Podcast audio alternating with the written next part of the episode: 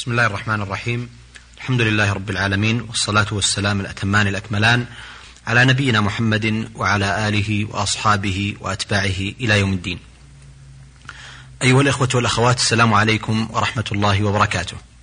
ويسرنا ويسعدنا أن نواصل معكم الحديث في برنامجكم في موكب الدعوة في الجزء الثاني مع اللقاء الذي أجريناه مع صاحب الفضيلة الشيخ مناع القطان. وفي مطلع هذه الحلقة باسمكم جميعا أرحب بفضيلة الشيخ مناع وأشكر له إتاحة هذه الفرصة لإتمام اللقاء الذي بدأنا مشوارنا الأول معه. حياكم الله شيخ مناع. الله يبارك فيكم. آه، استمتعنا جميعا مع الإخوة والأخوات من المستمعين والمستمعات بالاستهلال والاستطراد الطيب المبارك الذي قدمتموه في الحلقة الماضية عن مولدكم ونشأتكم ونشاطكم في مطلع حياتكم وشبابكم وأثناء تلقيكم العلم والدراسة.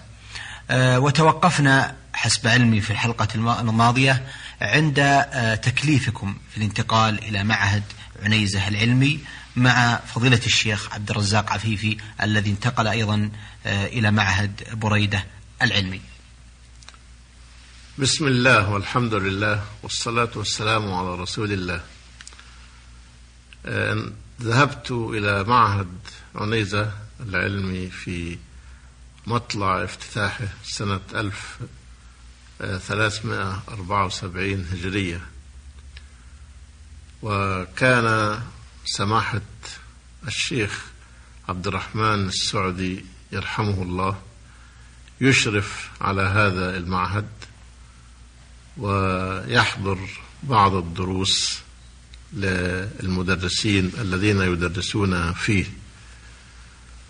وكنت أحضر له بعض دروسه التي يلقيها في الجامع الكبير بعنيزة.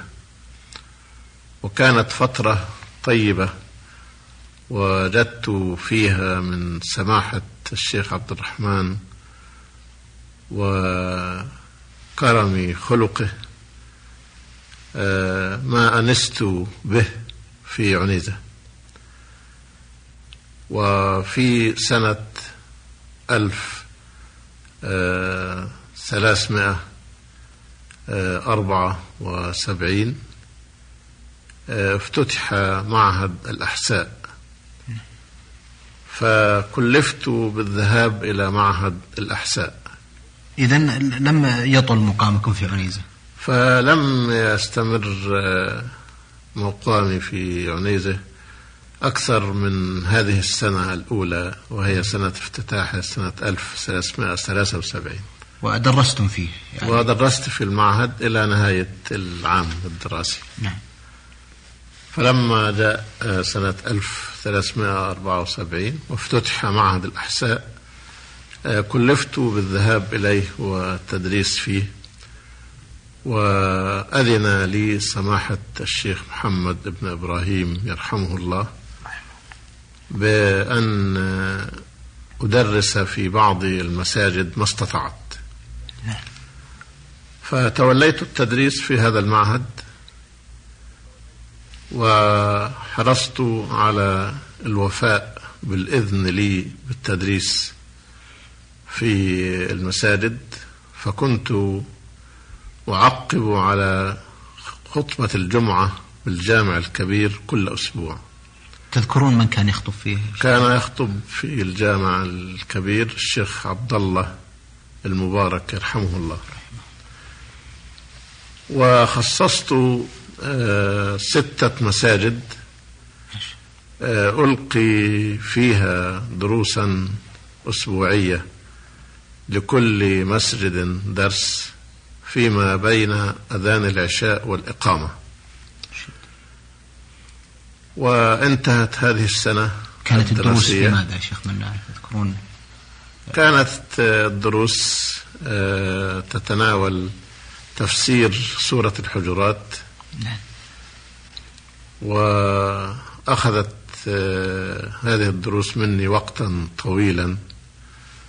فلما انتهيت من تفسير سورة الحجرات آه، صرت أتخير بعض الموضوعات أتحدث فيها وأجعل عنوانها غالبا آية من آيات القرآن الكريم أو حديث من أحاديث رسول الله صلى الله عليه وسلم.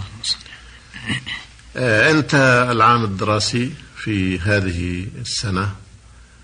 ووجدت من الأنس من أهل الأحساء ما وجدت.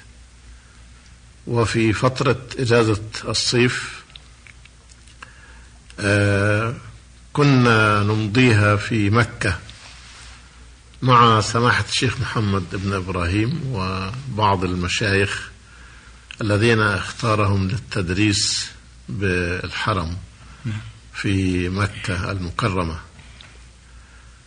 آه، صادف في هذا الوقت آه، أن كانت الهجمة الشرسة التي آه، هجم بها جمال عبد الناصر على الحركة الإسلامية في مصر. فألقي القبض على الآلاف منهم وقادوهم إلى السجون والمعتقلات وقدم كثير منهم إلى المحاكم. وكانت هذه المحاكم تحكم على كل من أسهم وشارك في الجهاد بفلسطين أو في مقاومة الإنجليز بقناة السويس بالسجن ما لا يقل عن خمسة عشر عاما. طلبت في هذه الفترة من السلطات المصرية فذهب فضيلة الشيخ عبد الرزاق عفيفي إلى سماحة المفتي الشيخ محمد بن إبراهيم وحثه على أن يشفع لي لدى جلالة الملك سعود يرحمه الله. فقبلت هذه الشفاعة على ألا أسافر أو أغادر المملكة. ومن هنا استمرت إقامتي في المملكة. آه، لا أغادرها أكثر من عشرين عاما. وقد حكم علي بالسجن في هذه المحاكمات آه، حكما غيابيا بخمسة عشر عاما. إلى أن جاء عهد آه، أنور.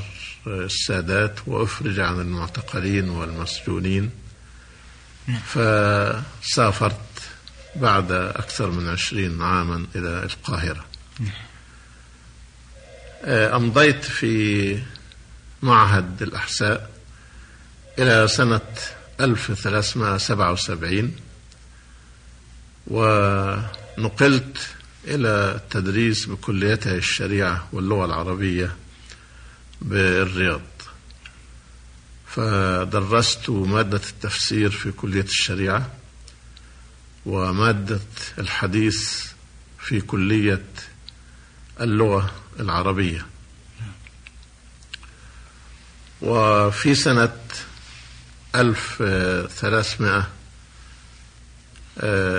اثنين وثمانين للهجرة سافرت أسرتي إلى مصر زوجتي وأولادي.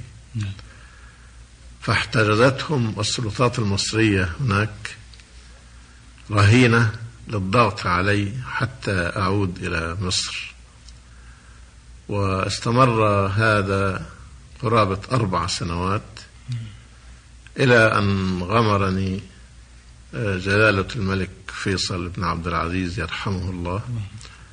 بلطفه ورعايته وساعدني في إحضار أسرتي إلي وفي سنة ألف وثلاثمائة ثلاثة وثمانين كانت المناهج الدراسية والكتب المدرسية قد أصابتها لوثة القومية العربية والاشتراكية. فأدرك ولاة الأمر في بلادنا هذه أن المملكة لها شخصيتها المتميزة. فينبغي أن تبرز هذه الشخصية المتميزة. في الكتب المدرسية والمناهج وفي السياسة العامة للتعليم. فصدر قرار بإنشاء لجنة عليا لسياسة التعليم. يرأسها صاحب السمو الملكي الأمير فهد بن عبد العزيز آنذاك كان وزيرا للداخلية ورئيسا للجنة العليا لسياسة التعليم. وانبثق من هذه اللجنة لجنة فرعية أو تحضيرية. آه، كانت هذه اللجنة يرأسها آه، الشيخ حسن بن عبد الله آل الشيخ وزير المعارف آنذاك. وينوب عنه فضيلة الشيخ ناصر بن حمد الراشد رئيس تعليم البنات. واختيرت صفوة من رجالات التعليم هنا ومن ذوي الفكر الإسلامي الواعي آه، لعضوية هذه اللجنة حتى تنظر في المناهج والكتب والنظام المدرسي وتضع سياسة التعليم. وكنت أحد هؤلاء الذين اختيروا لهذه اللجنة وفي الاجتماع الأول وقع الاختيار علي أيضا لأكون مقررا لها. وظلت هذه اللجنة تواصل عملها فوضعت المناهج التعليمية وخطط الكتاب المدرسي ومواصفاته ومواصفات المعلم والنظام المدرسي وتوجت هذا بالسياسة التعليمية للمملكة. التي صدر قرار مجلس الوزراء بالمصادقة عليها. وهذه السياسة التعليمية دستور يميز شخصية المملكة العربية السعودية التي تحكم بشريعة الإسلام وتقيم حياتها على كتاب الله وسنة رسوله صلى الله عليه وسلم. آه، بصفة آه، لا نظير لها آه، في أي سياسة تعليمية بدولة من الدول ولا تزال هذه السياسة موجودة ومتداولة حتى الآن. وظلت عضويتي في هذه اللجنة آه، إلى سنة 1417 آه، في سنة 1385 آه، صدر قرار إنشاء المعهد العالي للقضاء. فشاركت في وضع مناهجه ونظامه. وكنت ألقي بعض المحاضرات آه، فيه وفي آه، سنة ألف ثلاثمائة ثلاثة وتسعين عينت مديرا لهذا المعهد المعهد العالي للقضاء نعم. وفي سنة 1398 آه، نقلت من إدارة المعهد العالي للقضاء إلى الدراسات العليا في إدارة الجامعة فكنت أشرف عليها وألقي بعض المحاضرات في أقسامها. وظل هذا الوضع الوظيفي لي إلى أن أعفيت من العمل سنة 1417 هجرية. وفي مسيرة هذه الحياة التعليمية بالمملكة إلى أن عفيت من العمل كان نشاطي دائما في التأليف والأبحاث وحضور المؤتمرات والمشاركة في وسائل الإعلام. فمن مؤلفاتي وأبحاثي المطبوعة ما يصل إلى عشرين مؤلف وبحث منها تفسير آيات الأحكام في مجلدين ومباحث في علوم القرآن. أول كتاب صدر لكم شيخ من نعم هو أول كتاب هو مباحث في علوم القرآن. وتاريخ التشريع كم وصلت طبعات المباحث في علوم القرآن ما شاء الله الآن؟ لأنه أعتقد هو يعني آه يعني أكثر من 12 طبعة وترجم إلى اللغة الإنجليزية وإلى اللغة الفرنسية وإلى اللغة الفارسية. هو مترجم بهذه اللغات في الوقت الحاضر. ومن توفيق الله سبحانه وتعالى أنه حاز قبولا في الدراسات الجامعية فهو مقرر دراسي في معظم الجامعات الإسلامية في العالم الإسلامي سواء كان هذا في العالم العربي أو في خارج العالم العربي. شيخ مناع الحقيقة بعد هذا المشوار الطيب سواء كان في المعاهد العلمية أو المعهد العالي للقضاء أو الدراسات العليا في جامعة الإمام محمد بن سعود الإسلامية مر عليكم عدد هائل وكبير من الطلاب والتلاميذ الذين استفادوا من علمكم وتوجيهكم هل تذكرون أبرز التلاميذ الذين تتلمذوا على أيديكم واستفادوا منكم؟ أن طلابي كثر نعم. في القضاء منهم القضاة الآن والوزراء وأساتذة الجامعات. وأذكر منهم من أبرزهم في الوزارات الآن الشيخ عبد الله بن عبد المحسن التركي وزير وزارة الشؤون الإسلامية والأوقاف والدعوة والإرشاد والدكتور محمد الأحمد الرشيد وزير المعارف وعدد كثير جدا. من أساتذة الجامعات ومن القضاة بصفة خاصة يعني قد يتعذر إحصائهم وتناولهم ولكنهم يعني يعرفونني وأعرفهم جيدا والحمد لله يعني علاقتي بهم علاقة يعني حميمة. منذ أن كانوا طلبة إلى الآن ومنهم من تولى وكالات وزارات أو وكلاء جامعة كصالح الشيخ صالح بن سعود العالي والشيخ محمد العجلان. نعم.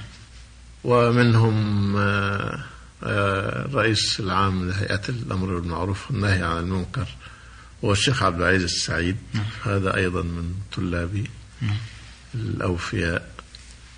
والعدد كثير يعني لا أستطيع أن أحصيه.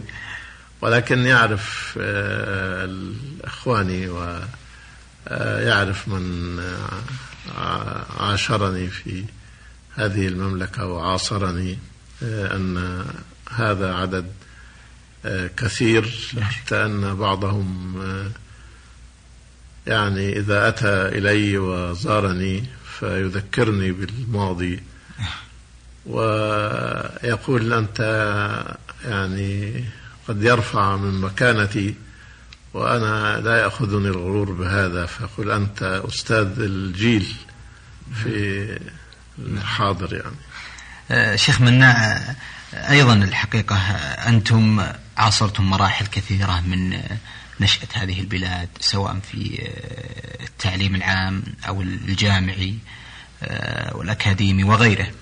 وعاصرتم فترات مهمة من تطور ونشأة هذه البلاد المباركة.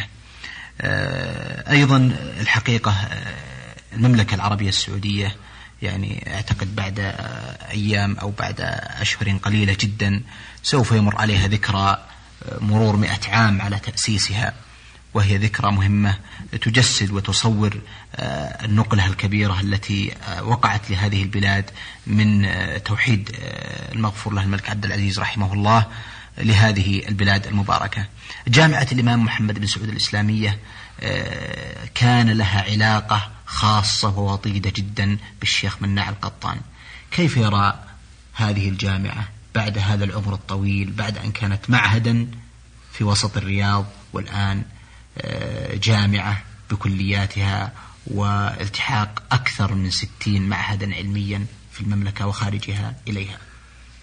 يعني إشارة إلى بداية هذا السؤال فإني حين قدمت إلى المملكة سنة 1373 هجرية بالرياض لم يكن بها سوى بضع مدارس ابتدائية ومتوسطة. ومدرسة ثانوية واحدة ومعهد الأنجال ومعهد الرياض العلمي. ولم يكن هناك تعليم آه، عال سوى كلية الشريعة بمكة. وكلية الشريعة التي افتتحت في نفس هذه السنة وكان بها السنة الأولى 13 طالبا فحسب ولكن آه، الجهود الطيبة المخلصة الصادقة آه، التي لازمها توفيق الله سبحانه وتعالى عبر هذه السنين تجاوزت العقبات ووصلت المملكة في الحياة التعليمية إلى ما وصلت إليه الآن. من الجامعات المتعددة والمدارس والتعليم المهني والمعاهد المتخصصة. بما لا يتسع لذكره مجال هذا الوقت الضيق المحدود. وإن يعني بناء هذه المملكة وهي تشرف على مائة عام من تأسيسها آه، يعد حدثا في التاريخ الحديث لا نظير له. فإن هذه البلاد آه، منذ مائة سنة فأكثر آه، كان قد أطبق فيها الجهل وظهرت دروب الشرك ومزقتها العصبية إربا إربا. قبائل متناحرة وإمارات متناثرة. فقيض الله لها آه، عبد العزيز بن عبد الرحمن آل سعود يغفر الله له. وأدرك بتربيته الدينية أن هذا الشتات لا يجتمع إلا على عقيدة التوحيد. فتبنى هذه العقيدة التوحيدية لتكون الرباط المشترك الذي يربط بين تلك القبائل كلها في المناطق المختلفة. لتكون أخوة الإيمان بديلا لتلك العصبيات. إنما المؤمنون إخوة المسلم أخو المسلم.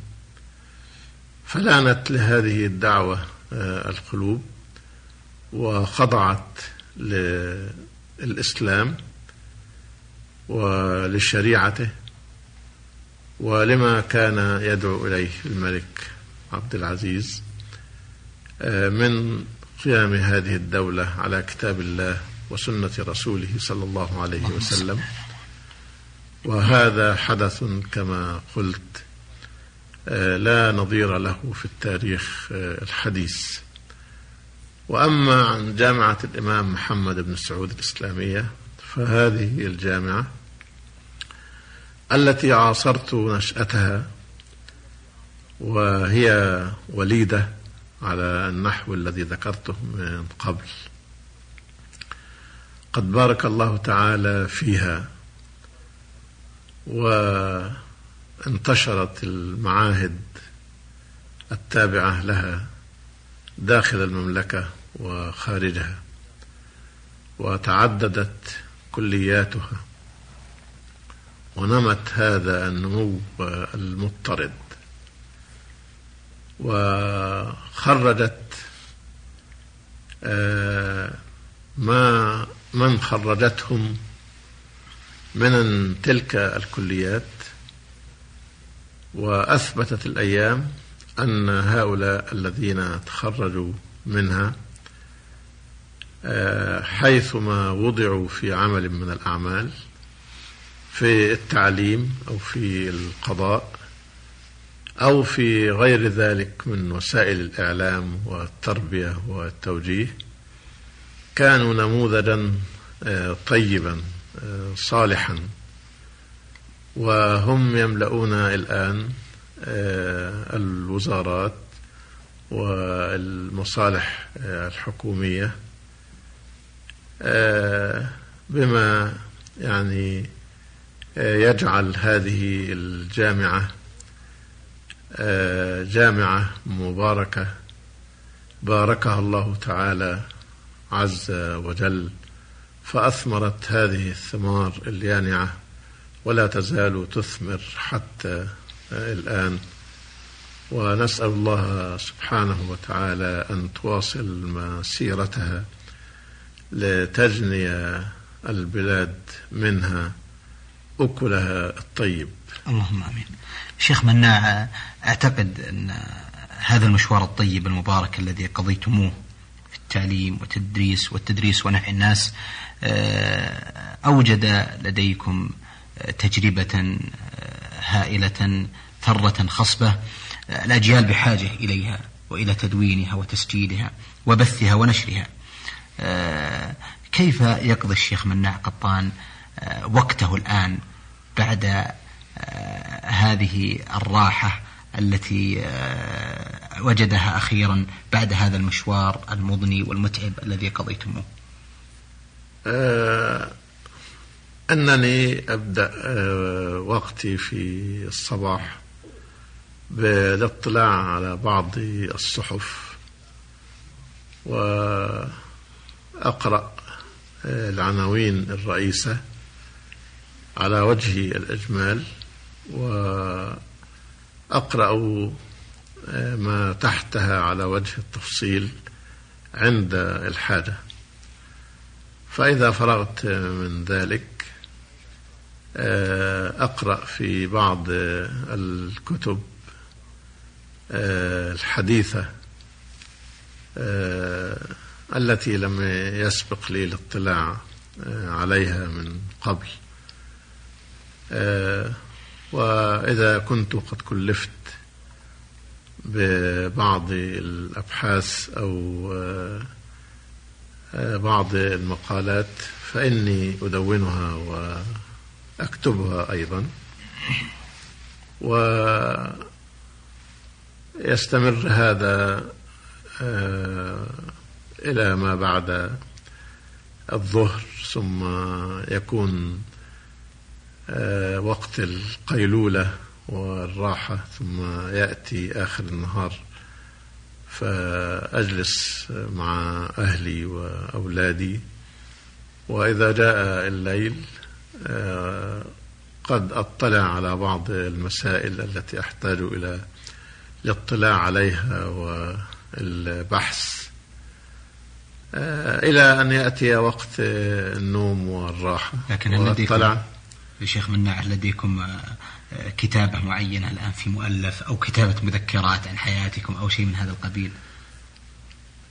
وأشار علي يعني كثير من إخواني بأن أكتب مذكرات ولكني يعني عزوف عن الكتابة وربما آه، تحت تأثير الإلحاح أكتب شيئا إلا أنني حتى الآن آه، لم أبدأ الكتابة في هذا ولكني أكتفي فقط بكتابة آه، بعض المقالات التي تطلب مني من بعض الصحف أو المجلات وليس هناك تدوين خاص سوى أن بعض ما كتبته من محاضرات لم تطبع حتى الآن في الدراسات العليا قد أراجعه رغبة مني في أن أخرجه في كتاب من قبل من بعد مثل تاريخ التفسير ومناهج المفسرين. وهناك أبحاث كنت قد ألقيتها في مؤتمرات وندوات.